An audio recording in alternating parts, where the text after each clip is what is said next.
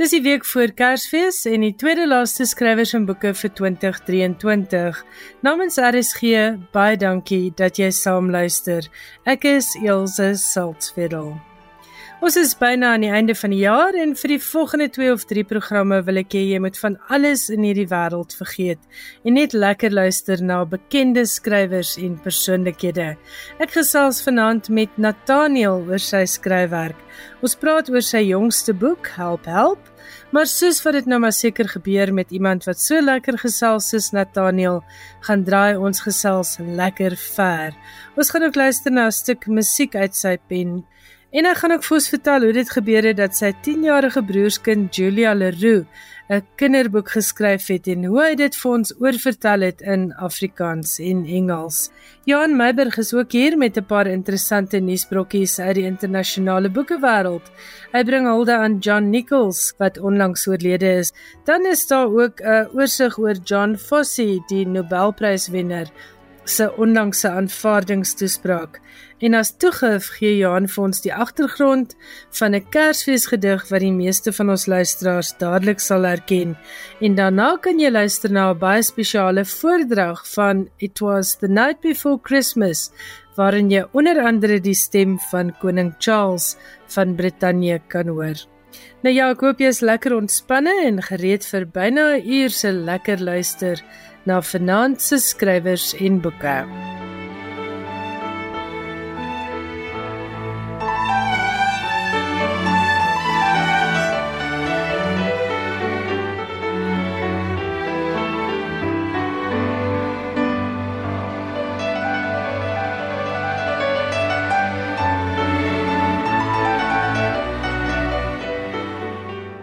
Vanaand het ek vir luisteraars 'n baie baie spesiale gas. Uh, Nathaniel is my gas en ons praat vanaand oor sy jongste boek Help Help en dit is die 28ste boek uit Nathaniel se pen. Nathaniel, goeienaand, baie dankie. Dis 'n heerlike voorreg om jou uiteindelik ook op skrywers en boeke te hê.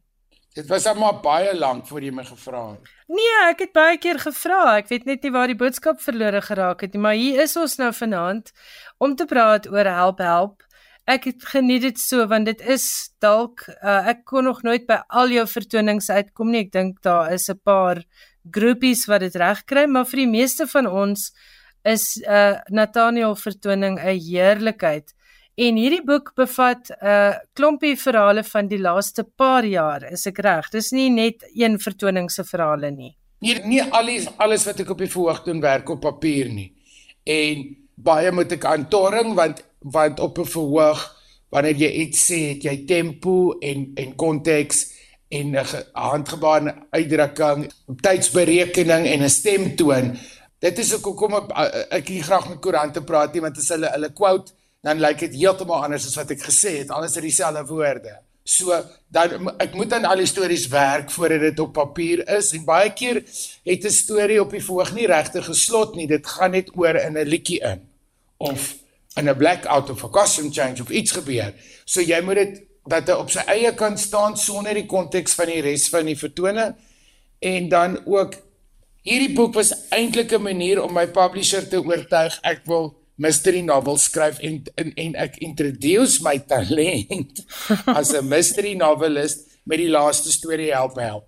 Ek wil soos Agatha Christie as die hele land nou mekaar gesak het en ek kan nie meer shows doen nie of nie potholes is net te groot, dan wil ek in Frankryk gaan sit een keer 'n jaar en 'n mystery novel skryf. Dit dit is dit excite my ongelooflik. Dis nie letterkunde nie, dit beteken dus dat mense dit gaan actually lees en dit gaan verkoop word en sulke boeke word oor die aarde vertaal in 'n miljoen tale en dan kan ek elke week 'n painting koop. Dis my langtermynplan dit was die inspirasie agter help help is die laaste storie.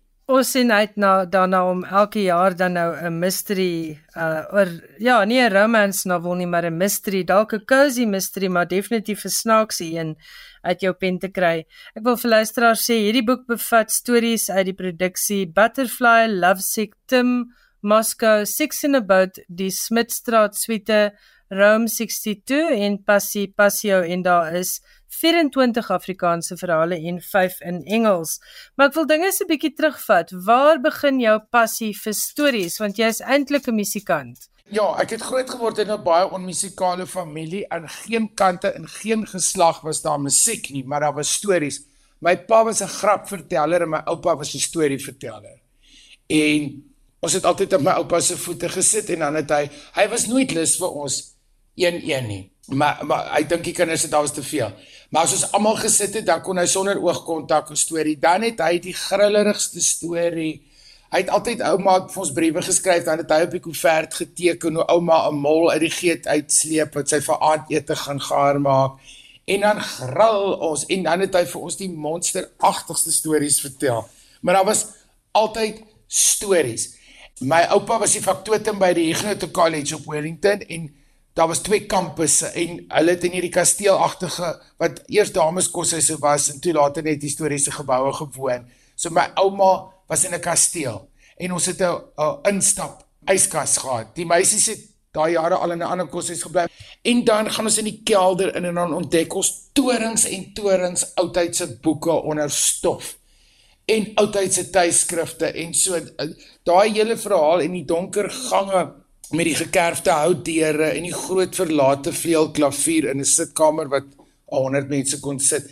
Dit alles het bygedra dink ek tot en my ouma het altyd 'n aantrek aangetrek in 'n in 'n klomp krale en dan wanneer my ma begin huil en sê my ouma los hom uit hy's 'n wyse man. En ek was altyd 'n Bybelfiguur in my ouma se oë en dan het my ma my uitgelos. Ek het die stringperels in die gang af in een van ouma se kerkkrokke dan sê ek Moses of Aaron of Rut maar kom uit die Bybel uit en dan het my ma my uitgelos. So konserte was die was die groot ding. Ek het ook een keer gehoor hoe praat die ooms oor Glenda Kemp wat in die Parel gaan perform het en die volgende kers konsert het ek met 'n opgestopte slang krullend uit 'n wasgoedmandjie uitgekom en ek is amper doodgeslaan maar ek het alles wat ek gehoor het of van geweet het in 'n konsert verander. Jy het natuurlik soos wat dit nou ook duidelik word, jy het 'n verskriklike wonderlike verbeelding. Wanneer het jy besluit hierdie is die ideale ding om te kombineer met jou musiek want jy is 'n klassiek opgeleide um musiekmaker, jy is aan die Universiteit van Stellenbosch opgelei in musiek. Jy het nie sommer op die huisorgel geleer musiek speel nie. Nee nee nee, ek het gestudeer komposisie en klavier en orgel was my hoofvakke en ek het kompetisie gespeel en al die goed, dit was net te veel spanning. Maar ons het die geleentheid gehad om ag dit is so afgryslike woord. Ek hou nie van die woord nie want dit is goed wat uit skepe gebeur terwyl dit in Europa ernstig was, maar daai jare het as jy nie geweet het wat doen jy nie dan noem jy dit 'n kabaret. So ons het sulke goedjies gedoen, sulke etensuur konserte. Ek onthou ek was mal oor my een vriendin het het 'n vertoning gedoen. Sy was 'n mezzo-sopran of sy is nog steeds oor Jacques Brel se musiek en sy het dit genoem verkeerde nommer Brel weer en ek was mal oor die show. Dan het ek en sy Karen Carpenter se duette gesing. Dan het ons rock gespeel op die Marcus en Orrel is almal ingeroep deur die universiteit se board. Ons het die Orrel onteer. Jy weet seker toe. En ek dink ek weet nie hoekom nie. Ek het een keer by 'n etensuur konsert ietsie vertel tussenin. Wat gaan nou kom? Of iemand het nie opgedaag nie. Toe moet ek sing en iets ek het net iets gedoen en toe besef ek ek kan nie sing nie. Ek is te lelik te verf ek my gesig wit en toe vertel ek ietsie en toe lê hulle soos hulle lag en toe dink ek okay dis baie minder moeite as om klavier te oefen. Ek gaan nou net praat. So dit het so gekom en met die jare het die storieetjies of jy weet sangers sê mos altyd my volgende liedjie gaan aan my niggie wat vir my hierdie rivier geverf het. Maar daai goed by my het net alles langer geword en mm -hmm. tot dit in die vertoning self ek dink baie mense kom net vir die kostuums ander kom net vir die stories. Drie hou van moek sing en jy kan mos actually hoor as ek begin sing en sê tannie pappa moenie worry nie ek gaan nou weer praat. So ek weet die meeste mense dink nie aan my as 'n musikant nie maar dis wat ek is. Dis wat my dae opneem. Dis wat ek studeer. Dis wat ek nagte vir die klavier doen. Dis wat ek ernstig opvat die lewe is my baie boring en mense is baie vervelig want hulle bestaan net. En ons dorpe is verbeeldingloos. So as ek op 'n plek kom soos Nantes waar Nantes in Frankryk, eer ek gaan dood as ek die naam so sê.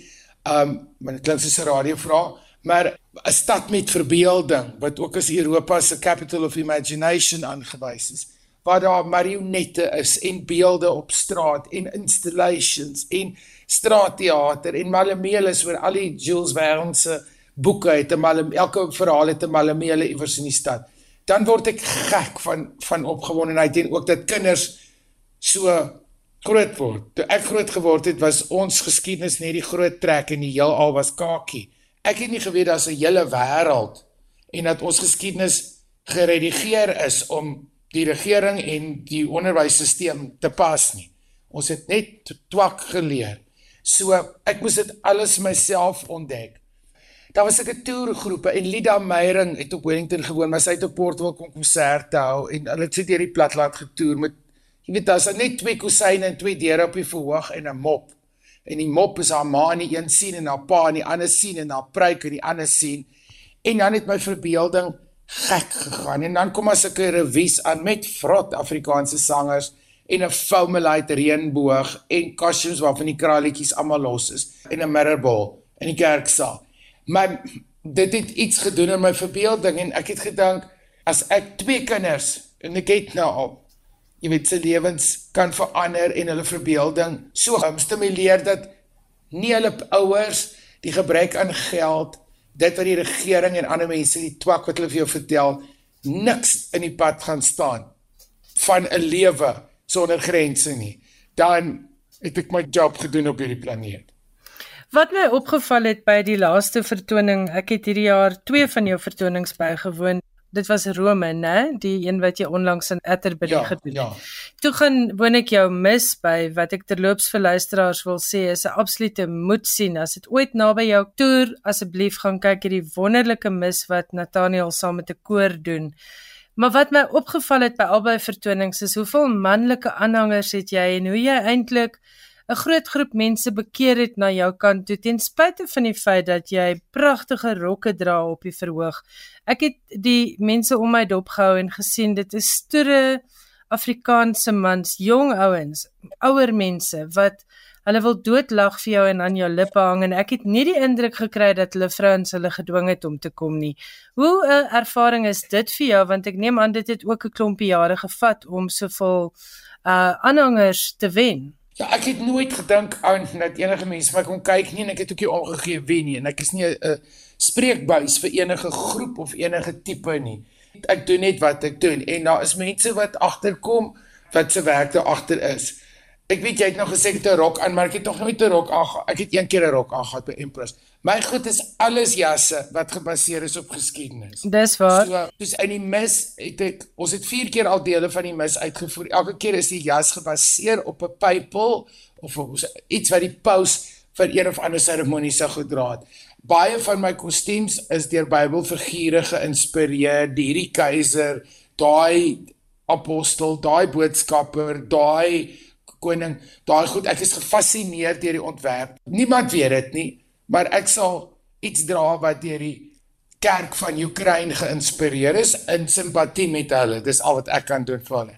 So dis dis soos my ma sê die Afrikaanse woord is 'n gewaad. Jy het 'n gewaad. Dis eintlik die regte woord. En, jy en ek vra om verskoning dat ek dit 'n rok genoem het, maar dit is dis waar. Dit ja, is 'n gewaad. Nee, wat hulle sê altyd, hoekom wil jy 'n vrou wees? As ek 'n vrou was, het ek my borste opgestop en 'n pruik opgesit. Maar Dis waar. Um, dit is alles jasse uit die geskiedenis en elke jas en daar's meer as 1000 nou. Sure. En en ons ons doen baie moeite. Ek het van hierdie jare 'n praatjie gegee om sien hoe om vors ons goed na. Ehm um, dis 'n lang storie wat ons nie nou nie, maar byvoorbeeld Rome 62 het nog 'n speelvak van die einde van Januarie van 'n week by Atterbury vir die mense wat nie kom plek kry nie.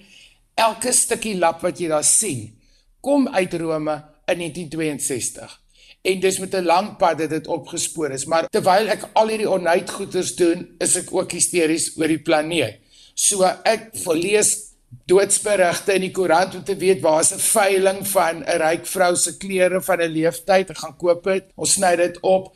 Ek um, navors waar is 'n lap wat oorgebly het. Ek het vriende wat winkels companies besit wat winkels in die nagte skoon maak supermarkte wat vir my bel en sê en daai een is 'n stoor lê al 'n rol brokaat vir 2 jaar, dan gaan spoor ek dit op. Sodat ek nie nog twak na die aarde toe bring nie, maar mooi goed maak uit dit wat reeds bestaan.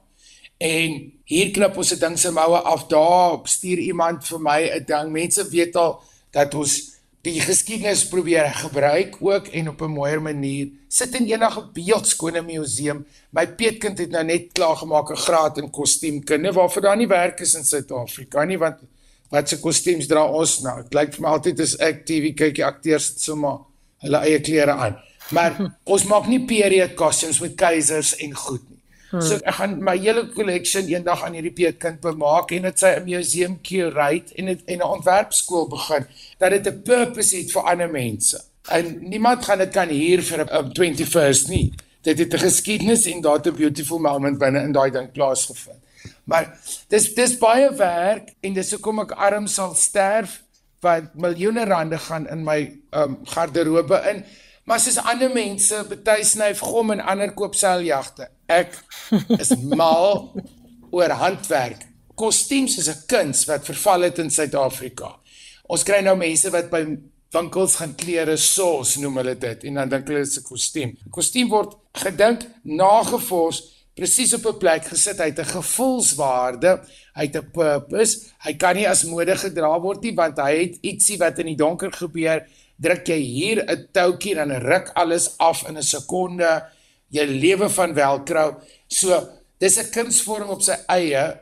Eers Sani Boerstra en toe vir jare James Edward Mulder en nou Floris Lou. Daar's 'n bietjie Vivienne Westwood, daar's 'n bietjie Dior, daar's 'n bietjie ek van die wêreld se grootste wanneer ek R5 gehad het ontwerpers ook in my garderobe, maar dit is 'n paar mense se lewensstaak. Dit Floris Lou maak af 24 jaar voltyds in elke nag sit hy en maak costumes met die hand. Dit is 'n 'n man se bloed en sweet wat in elke zip en kraal en borduursel ingaan.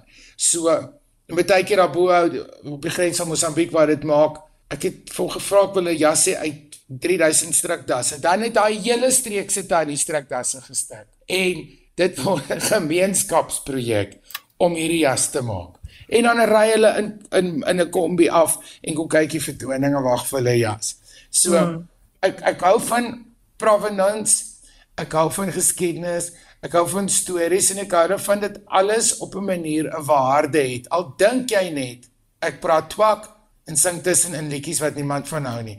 Daar word regtig hard gewerk en regtig lank gedink oor alles en en mense wat lank genoeg al die pad saam met my stap, sien dit raak en weet al waar loop die draaitjie met hierdie sirkus wat ek nou doen? Ek wil terugkom na my vraag. Weereens jammer dat ek dit 'n rok genoem het, maar ek, ek Nee, dit is almal noem dit 'n rok, want dit lyk soos 'n rok, maar hy's plat. Goed, maar die mans wat jou aanhangers geword het, het jy ooit gedink dit gaan so uitwerk? Dis nie my vreemde dit so uitgewerk het nie, want die feit dat ek anders lyk en anders aantrek soos 'n man wat nou dag van die hardware stop gesê het, was jy by 'n begrafnis. Jy lyk baie mooi, maar hoe was die diens? Dis ek nee, ek het net 'n bulb kom koop, maar as die Here my nou vat, ek gaan nie hier rondloop en plakketjies en 'n hemp wat lyk soos 'n tafeldoek nie. So, dis al klere wat ek besit, is formele klere. Die woord gemak maak my siel dood. So, dis nie vir my vreemd as ek daaraan dink nie, want my materiaal is non-polities. 'n politician verdien nie om op 'n verhoog wat 'n heilige plek is genoem te word nie. En dit kom uit die huis uit. Dit is hoekom 'n sitcom wêreldwyd suksesvol is. My stories gaan oor families, oor woonbuurte, oor individue. Dit is nie gebonde aan 'n tyd, 'n land of iets nie. As ek in Engeland, Australië, Frankryk, Holland, wherever ons perform, 'n storie vertel, identifiseer hulle net so daarmee. Dit gaan oor 'n individu wat in hierdie gek aarde 'n bestaan maak en 'n man het mos net maar net fisies 'n paar ander goedjies, maar hy het mos 'n brein en hy het mos verbeelding en hy het mos 'n sin vir humor. Ek kan sien as elke aand 'n paar ooms wat ek raak sien wat die vrou moes bring en nie daar wil wees nie. En dan het hy later sy wange byt, hy hy sal nie nou lag nie en dan krak hy hierso 10 minute voor die slot dan lag hy klaphard of klap nou hande. en dan wag hy vir my buite en sê, "Dude, ek wou jou weer terug nog doodslaan in die straat, maar jy het jou job goed gedoen." En dan waardeer ek dit. Ek ek probeer niks wat ek doen is kommersieel nie. Ek dink daar was 800 jaar laas 'n liedjie van my op radio gespeel of sulke goed. Ek probeer doen wat die beste is wat ek kan doen, ongeag wat sy kommersiële waarde is en iemand al hou jy nie daarvan nie, iemand wat aandag gee.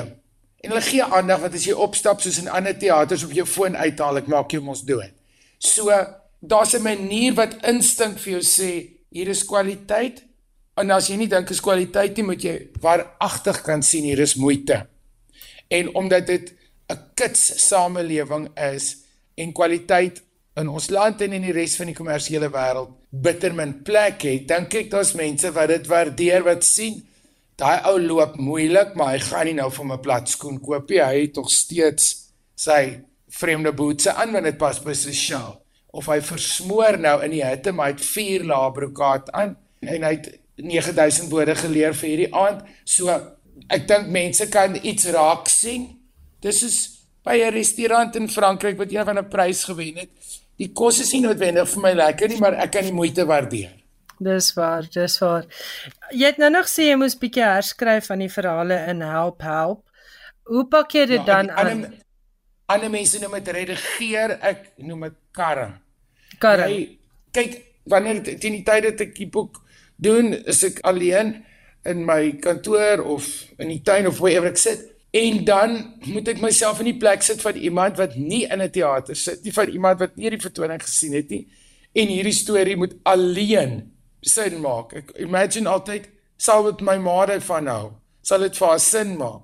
As iemand in 'n dokter se spreekkamer sit en hierdie lê die boek, sal hy 'n kort storieetjie kan lees terwyl hy wag om sy mediese uitslag te hoor en sal dit vir hom iets beteken. Kan dit heeltemal los staan.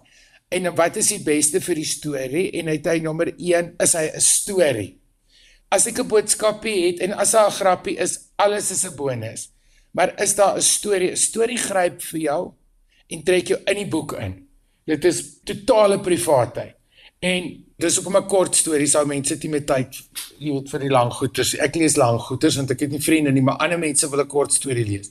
So gaan ek jou vir daai 9 of 10 minute kan boei. Dis die belangrikste. Gaan ek jou aandag kan wegvat van jou eie lewe en jou eie kwessies. En na die tyd dan sien jy, maar ander mense het ook kwessies. En dan sien jy daar's hoop. Ek wen nie pryse nie en niemand noem my werk literatuur of kuns nie, maar ek wil 'n goeie storieverteller wees. En dit is waaraan ek dink as ek met die storie sit jy eintlik al grappies uit want by 'n teater ek ek het die waaglike reputasie dat ek baie keer snaaks is wat my al vir my hele loopbaan boelie en knoei want ek moet sorg dat daar alles ek nie lus nie dat daar 'n grappie is. Dit is nou maar die ding anders sou hulle kaartjies opkoop. So 'n grappie wat daar is vir 'n grappie kan ek uithaal in 'n boek. It's not necessary. In die boek worry ek oor die gehalte van die storie. Goed. En dit is en dit is al. Goed. As jy pas ingeskakel het, my gas vanaand, as jy dalk nie die stem herken het nie, is Nathaniel en ons praat oor sy bundel Help Help. Nathaniel, waar kom die vonk vir jou stories vandaan? Want jy moet baie stories skryf en uitdink vir jou verhoogvertonings en dan natuurlik dit wat uiteindelik ook in boeke beland, dit wat in kookboeke beland en op jou TV-programme. Is daar 'n enkele ding wat byvoorbeeld 'n vonk kan veroorsaak of is dit maar net 'n voortdurende skepingsproses? Dis altyd iets visueel. Ek sien iets visueel. Ek stap op die waterfront en sien ek 'n vrou kom aan met 'n outfit wat glad nie werk op enige level nie. Nommer 1 nie vir haar liggaam nie, nie vir haar ouderdom nie, nie prakties nie, nie wat die klere betref nie. En dan bære ek haar in my brein. En dan dink ek aan haar vir so 'n week. Sy is die eerste ding waaraan ek dink in die oggend en die laaste ding waaraan die aand en, en wanneer ek die storie nodig het gaan sit ek sonder 'n klou en tik. Eendag was daar 'n vrou, haar naam was en dan in 30 jaar het dit nog nooit gechange en dan gaan die storie aan. Ek staan nie op nie en hy hy, hy kom uit. Hy broei iewers dit is soos om kaas of wyn te maak. Ek moet net 'n prentjie, dis alles visueel.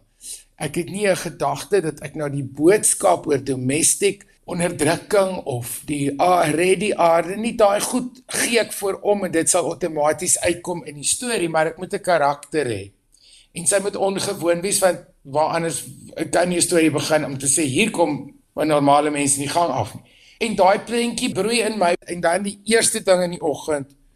Maar ek skryf baie. As ek nie my rubriek skryf nie, skryf ek aan my geselstoere wat ek doen mos baie praatjies. Of ek skryf aan iets anders of ek skryf 'n toespraak wat ek vir 'n geleentheid gaan gee of iets. Dis die ding wat ek eers doen in die oggend voordat ek vloeistof inneem, voordat ek die foon antwoord terwyl die wêreld slaap. Dit het alleen Matthee vir my jare terug gesê. Jy moet fiks wees en jy moet 'n rotine hê. Alwel as jy nie besig met iets jy maak jou tyd, jy gaan sit daai tyd was hy nog nie 'n laptop nie en dan sit jy. Sy weet of sy 'n tikmasjien het nie, maar dieselfde tyd elke dag dan tik jy die eerste letter en dis wat ek doen. So hoe laat begin jy skryf? Dis gewoonlik iewers tussen 6 en 7 in die oggend, want dan is daar nog nie twak aan die gang nie. Die helfte van die mense om slaap en die ander helfte sit vas op die N1. So almal los jou uit. En dan ek het net 2 ure nodig. Ek kan nie langer as 2 ure. Onthou ek is baie beperk in opvoeding en geleerdheid. So binne 2 ure gebruik ek, ek gebruik al die woorde wat ek ken binne 2 ure op. En dan kan ek hulle almal môre weer gebruik. Ek het nog ek gebruik nie groot woorde nie. Dit is my groot kwessie met Afrikaanse boeke as ek ek dink nie ek is onnoosel nie, maar as ek vir die 4de keer moet iemand bel en sê wat is hierdie woord? Ek kan nie aan die gang kom met hierdie boek nie. Dan sit ek daai boek neer. Dis vir my nogals 'n treat. Dis my nice om met bestanddele wat op my werf is iemand te nooi vir ete. Ek wil nie nou ry na 'n spesifieke deli om 'n mushroom wat 'n vierkantige hoekie het en vir 14 weke ge dit is in so botteltjie loop soek nie. Ek wil met my woorde 'n storie kan skryf en met my bestanddele 'n gereg kan uitdink. Dit is dit ek weet nie hoekom nie. Ek dink dit kom van my ouma af. Ouma het gesê kom ons maak die kas leeg môre as dit oorlog. En dan kook ons uit die kas uit. Dit laat my dink aan daardie gesegde van Philip de Vos van sing soos jy gebek is. Ja, dit is wat ek ek dink my sterkpunt is om met een fout en met dit wat ek het iets te kan doen. As jy vir my stuk lap gee, sal ek iets doen. As jy vir my aardappel gee, sal ek iets doen. En as jy vir my 10 woorde gee, gaan sal ek iets doen. Dieselfde met my klavier. Ek is dit is my plek wat ek die meeste tyd spandeer. So kom ek altyd regpyn net wat ek sit nie in die regte posisie nie, maar ek is ure per dag voor my klavier. En met my bietjie beperkte whatever ek het in elke rigting, doen ek my ding. Maar ek dink omdat mense alles verstaan, kom hulle terug nog. As jy dit misgeloop het, in die eerste helfte van die program het ons gesels oor Help Help, sy jongste boek, natuurlik ook oor sy kreatiewe proses, hoe skryfwerk vir hom werk, maar nou gaan ons praat oor sy broerskind Julia Leroux, sy oulike kinderboek wat hy in Afrikaans en Engels oorvertel het nadat dit 'n jaar of 2 gelede in Frans verskyn het. Ek wil bietjie praat oor jou broerskind Erik se dogtertjie. Ek weet nie hoe oud is sy. Sy was 7 toe sy die boek geskryf het, sy is nou 10. Goed, en die boek se naam is Vyf verlore vere. Dit is hier in Suid-Afrika te koop. Vertel ons gou-gou 'n bietjie die verhaal. Sy het die boek in Frans geskryf. Jy het die boek ja. gelees en besluit dit moet vertaal word. Dis 'n storie vir Afrikaanse kinders ook. My broer se kinders word anders grootgemaak. Hulle bly Hulle is 'n fantastiese familie. Die ma is 'n vegan en veg vir diereregte. Erik is 'n vegetariër. Die kinders moet legally 'n pescatarian wees tot op 'n sekere ouderdom. Hulle red honde, die hele erf is vol geredde diere. Sy vrou is woedend want Erik wil nie 'n bok en 'n donkie toelaat nie. Hulle bly Daar's 'n familieplaas so twee blokke aan. Niemand bly daar op nie, maar die hele familie vergader daar naweke. En Erik hulle het so 'n glas stoep in hulle grens aan 'n woud en en daar's duwe en jy weet dis 'n vreeslike organiese hulle eet uit die tuin uit en en verder lees hulle. Natalie sy vrou is 'n obsessive leser want Frankryk het veilige publieke vervoer. So almal sit met dis die land waar mense die meeste lees in die wêreld en waar die meeste titels gepubliseer word per jaar. En hulle verkoop 300 boeke per citizen ja, per jaar. Nie alles is nie baie Party koop ja per jaar. Die hoeveelheid boeke wat in Frankryk koop is gelykstaande aan die hoeveelheid mense maal 300. Daar verskyn baie jaar tot 80000 nuwe titels. Alles in Frans. Daar's 'n boekwinkel in Nantes op elke hoek. Ek ken almal. klein een rakkie met Engels op. En hulle het ook boek depots. As jy 'n boek een keer gelees het, dan gaan gee jy dit af. Dan kan 'n ander mense die boek kom vat en in sy boek los. So die kinders se kamermure was nog altyd tot die dak tot onder vol boeke. En hulle het nog altyd gelees. Hulle kan 'n uur kyk televisie op 'n dag. Hulle tot vandag toe nog nie takeaways geëet nie en nie een van hulle het al ooit 'n koeldrank gedrink nie. As jy sê ja. wil jy wil jy snack dan vra die een vir olywe en die ander een eet 'n kiwi. So, dis so hulle lewe. En Erik het ook al twee, drie boeke geskryf en ons gee vir mekaar net boeke, koop boeke, ons gaan boekwinkel toe. So, die kleintjie, die ander een wil model en by Wouk gaan werk, die ouer ene, maar die kleintjie is obsessed oor diere, sy ry perd en sy lees. En sy sy is daar in die kamer en sy voer dramas op af en kleins af. So sy het in lockdown gaan sit by die die houttafel in die glasvertrek een middag en hierdie gedig amper soos 'n gedig is ske langer reels net alles op twee bladsye onder mekaar geskryf met haar handtekening. En Erik het gesien dis 'n lewensles wat hy nie weet waar kom 'n kind van 7 vandaan om hierdie puzzle so te pak nie en hy het dit vir 'n publisher gegee en is uitgegee in Frankryk en toe word sy die jongste gepubliseerde skrywer in die geskiedenis van Frankryk Dis ek vir Erik maar dis my peetkind hoe gaan ek geld maak hier uit toe sê hy net maar betaal net so intussen om met hulle praat Engels in die kar en Frans in die huis. Intussen het sy soos die ander enetjie vlot geraak en Frans het ook nou daar was. Toe sit ek, so sy sy vertel die storie. Erik vertel die storie vir my, lyn vir lyn. Dan vertel ek vir haar in Engels, dis wat ek verstaan. En sy sê, "No." En dan verduidelik sy weer vir my en so so dis hoekom die boek nie sê vertaal nie, maar oor vertel. Erik het vir my die storie lyn vir lyn vertel en vertel ek het vir haar soos ek verstaan, is dit reg en as sy sê ja of nee. En so het ons dit in Afrikaans en Engels gedoen en dit het in Hardeband verskyn nou, is in alle boekwinkels en elke aanlyn ding en by al my vertonings en dit doen fantasties goed. Dis baie mooi en Erik was adamant ook dat um nie nou vir my name vra nie, maar dat dit in Suid-Afrika geïllustreer word. Hy het 'n kunstenaar opgespoor. So, dit kom nou hy hy deel met Amerika ook. Hy gaan dit oral in die wêreld uitbring. So die boek is nou hierso, dis 'n lewensles, maar is ook beautiful, fisies en is hardeband en dit kos onder R200, so dis 'n perfekte Kersgeskenk. Ek gee dit vir groot mense. Ek het al 'n oggend tee gehou en dan is die boek elkeen se plek mandjie. En dan kan jy dit huis toe vat. Dit is baie mooi en dit is 'n beautiful beautiful lewensles. Dis nie net jy weet hoe die intjies die wolf oorwin daai tipe storie nie. Dit is dit is 'n lewensles. Ek sien die vertaler is uh Jani Skols lyk like dit vir my. Ja, sy is die illustreerder ja. Ja, ja, die die ja, ja sy is die ja. illustreerder. En ek sien net 'n vinnige opsomming 'n verrassende, dierbare avontuurverhaal deur 'n talentvolle jong skrywer wat tydens haar daaglikse stappie 'n klein hennetjie, die gaans Vivian se verlore veer ontdek en dan besluit om dit vir haar te gaan teruggee. Hmm.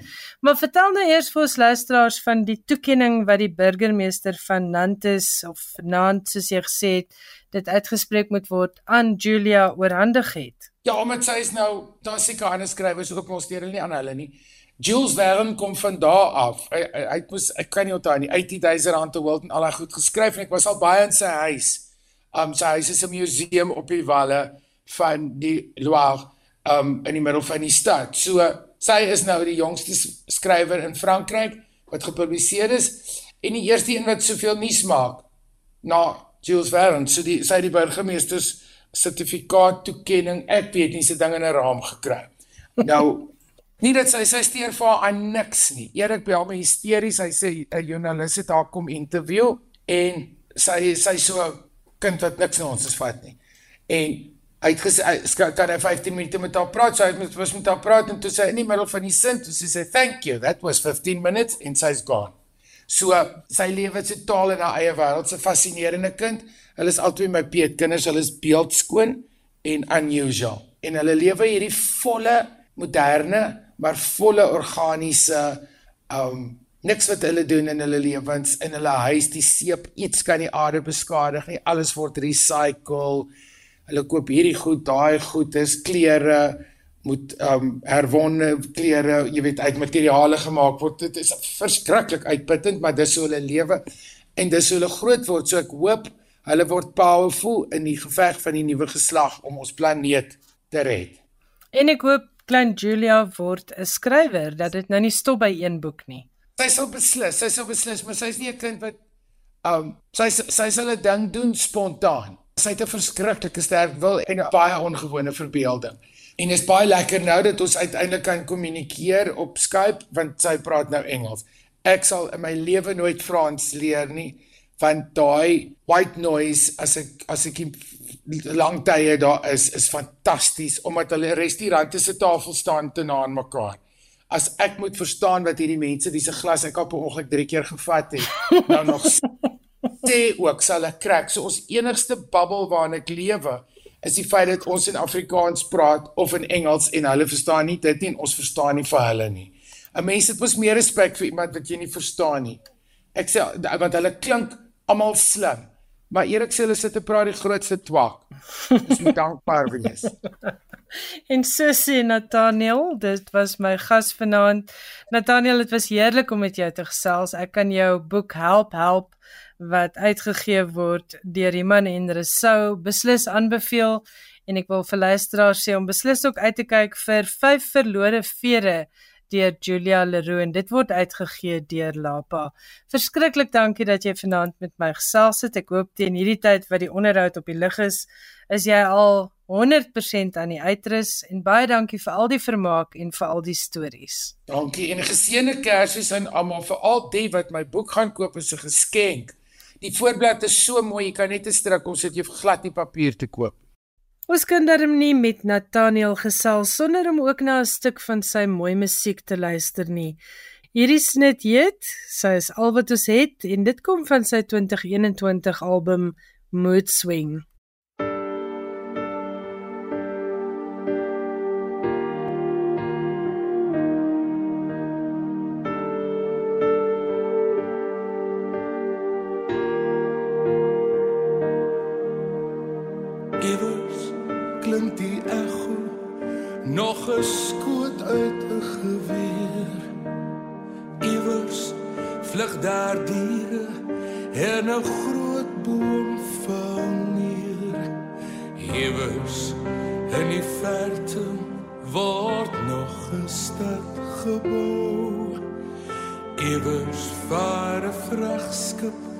Oor die see se laaste blou. En iewers onder alles sug moeder aarde swaar. Sy kyk oor haar skouer sy tel nog 'n jaar. Sy dink aan toe sy jonk was en mooi en sonder pyn maar nou is dinge anders. Sy voel die lewe verdwyn.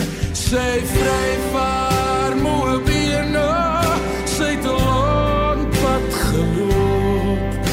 Sy wonder oor haar kinders. Dis haar heel laaste hoop en sy val haar hande saam. Soos 'n eensaam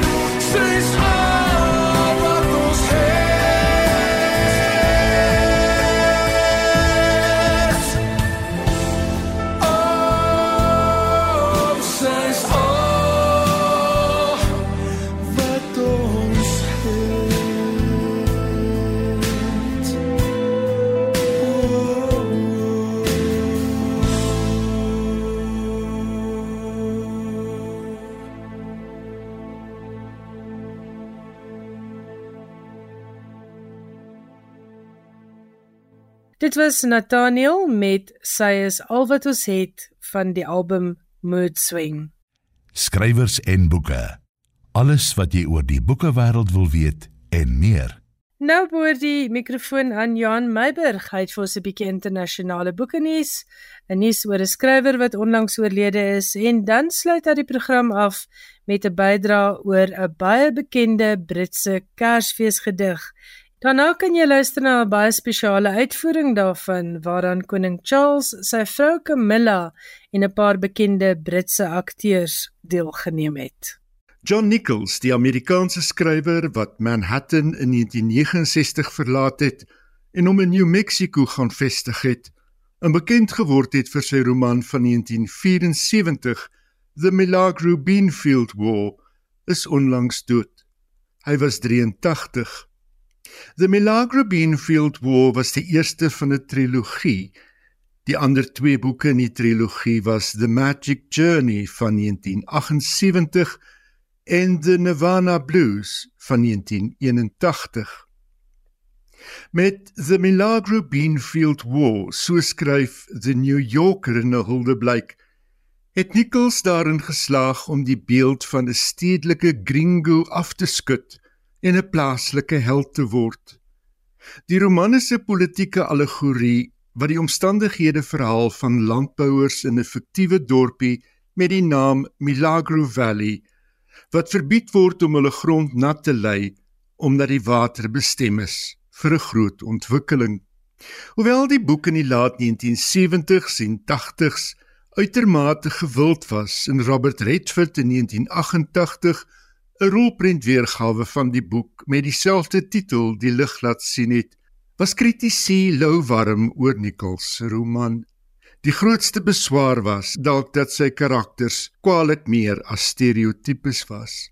Na die trilogie het Nichols nog 9 romans uitgegee, waarvan die laaste Goodbye Monique in 2019 verskyn het.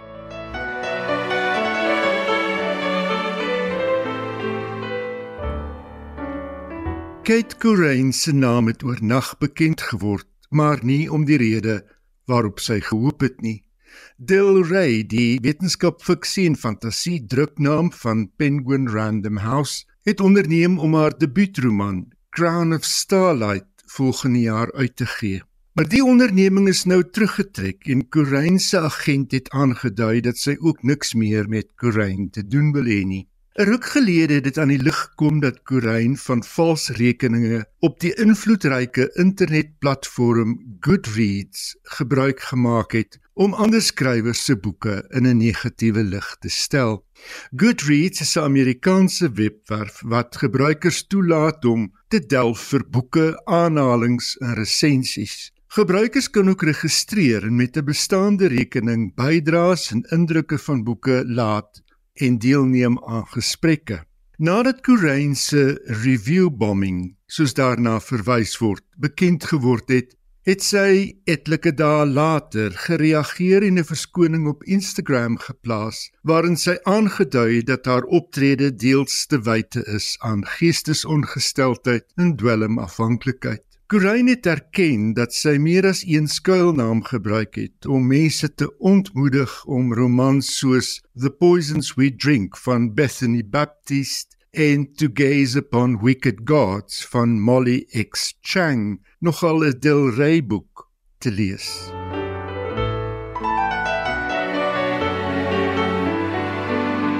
Die Nobelprys vir letterkunde is toe vroeër die maand in Stockholm aan die Noorse skrywer Jon Fosse oorhandig.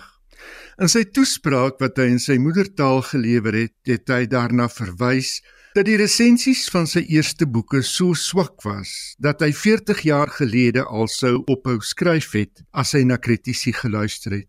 Hy het ook verwys na die talle verwysings na selfmoord wat in sy boeke voorkom en dat hy in 'n stadium bang was dat sy skryfwerk beskou sou word as 'n manier om sanksie te gee aan selfmoord. Wat hom wel gerus gestel het, is die feit dat soveel lesers na die aankondiging dat hy die Nobelprys gekry het, hom laat weet het dat sy skryfwerk hulle lewens gered het. Op 'n manier het ek nog altyd geweet dat skryfwerk lewens kan red. Miskien het dit my eie lewe gered, het hy gesê. Niks sou my gelukkiger kon maak as die wete dat my skryfwerk daartoe bygedra het om lewens te red nie.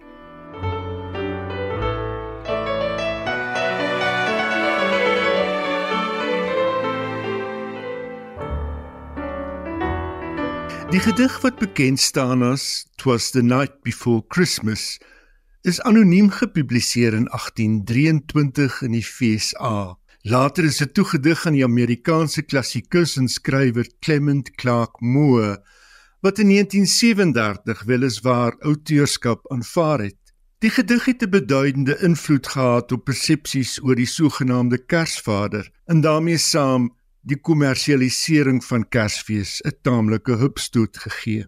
In 2020, te midde van die COVID-19 pandemie, het vooraanstaande Britse akteurs saamgespan en 'n opname van die gedig gemaak ten bate van die werk van die Actors Benevolent Fund. Charles, toe nog prins van Wallis, was in daardie stadium die beskermheer van die fonds. Benewens sy bydra hoor 'n mens die stemme van onder andere Maggie Smith, Penelope Keith, Joanna Lumley, Daniel Craig en Judy Dench. 'Twas the night before Christmas when all through the house not a creature was stirring, not even a mouse. The stockings were hung by the chimney with care, in hopes that St. Nicholas soon would be there. The children were nestled all snug in their beds, while visions of sugar plums danced in their heads. And Mamma, in her kerchief and I in my cap, had just settled our brains for a long winter's nap. When out on the lawn there arose such a clatter, I sprang from the bed to see what was the matter. Away to the window I flew like a flash, tore open the shutters, and threw up the sash. The moon on the breast of the newly fallen snow gave the luster of midday to objects below. When what to my wondering eyes should appear but a miniature sleigh and eight tiny reindeer. With a little old driver so lively and quick, I knew in a moment it must be St. Nick. More rapid than eagles his coursers they came. and he whistled and shouted and called them by name. Now Dasher, now Dancer, now Prancer and Vixen, on Comet, on Cupid, on Donner and Blitzen. to the top of the porch, to the top of the wall. Now dash away, dash away, dash away all. As dry leaves are before the wild hurricane fly, when they meet with an obstacle mount to the sky. So up to the housetop the coursers they flew, with the sleigh full of toys, and St. Nicholas too. And then, in a twinkling, I heard on the roof the prancing and pawing of each little hoof. As I drew in my head and was turning around, down the chimney St. Nicholas came with a bound. He was dressed all in fur from his head to his foot, and his clothes were all tarnished with ashes and soot. A bundle of toys he had flung on his back, and he looked like a peddler just opening his pack. His eyes, how they twinkled, his dimples how merry. His cheeks were like roses, his nose like a cherry. His droll little mouth was drawn up like a bow, And the beard and his chin was as white as snow. The stump of a pipe he held tight in his teeth. and the smoke, it encircled his head like a wreath. He had a broad face and a little round belly. that shook when he laughed like a bowl full of jelly. He was chubby and plump and a right jolly old elf. And I laughed when I saw him, in spite of myself. A wink of his eye and a twist of his head soon gave me to know I had nothing to dread. He spoke not a word, but went straight to his work. and filled all the stockings. Then turned with a jerk. and laying his finger aside of his nose, and giving a nod, up the chimney he rose. he sprang to his sleigh, to his team gave a whistle, and away they all flew. like the down of a thistle. But I heard him exclaim as he drove out of sight. Merry Christmas to all, and to all a good night.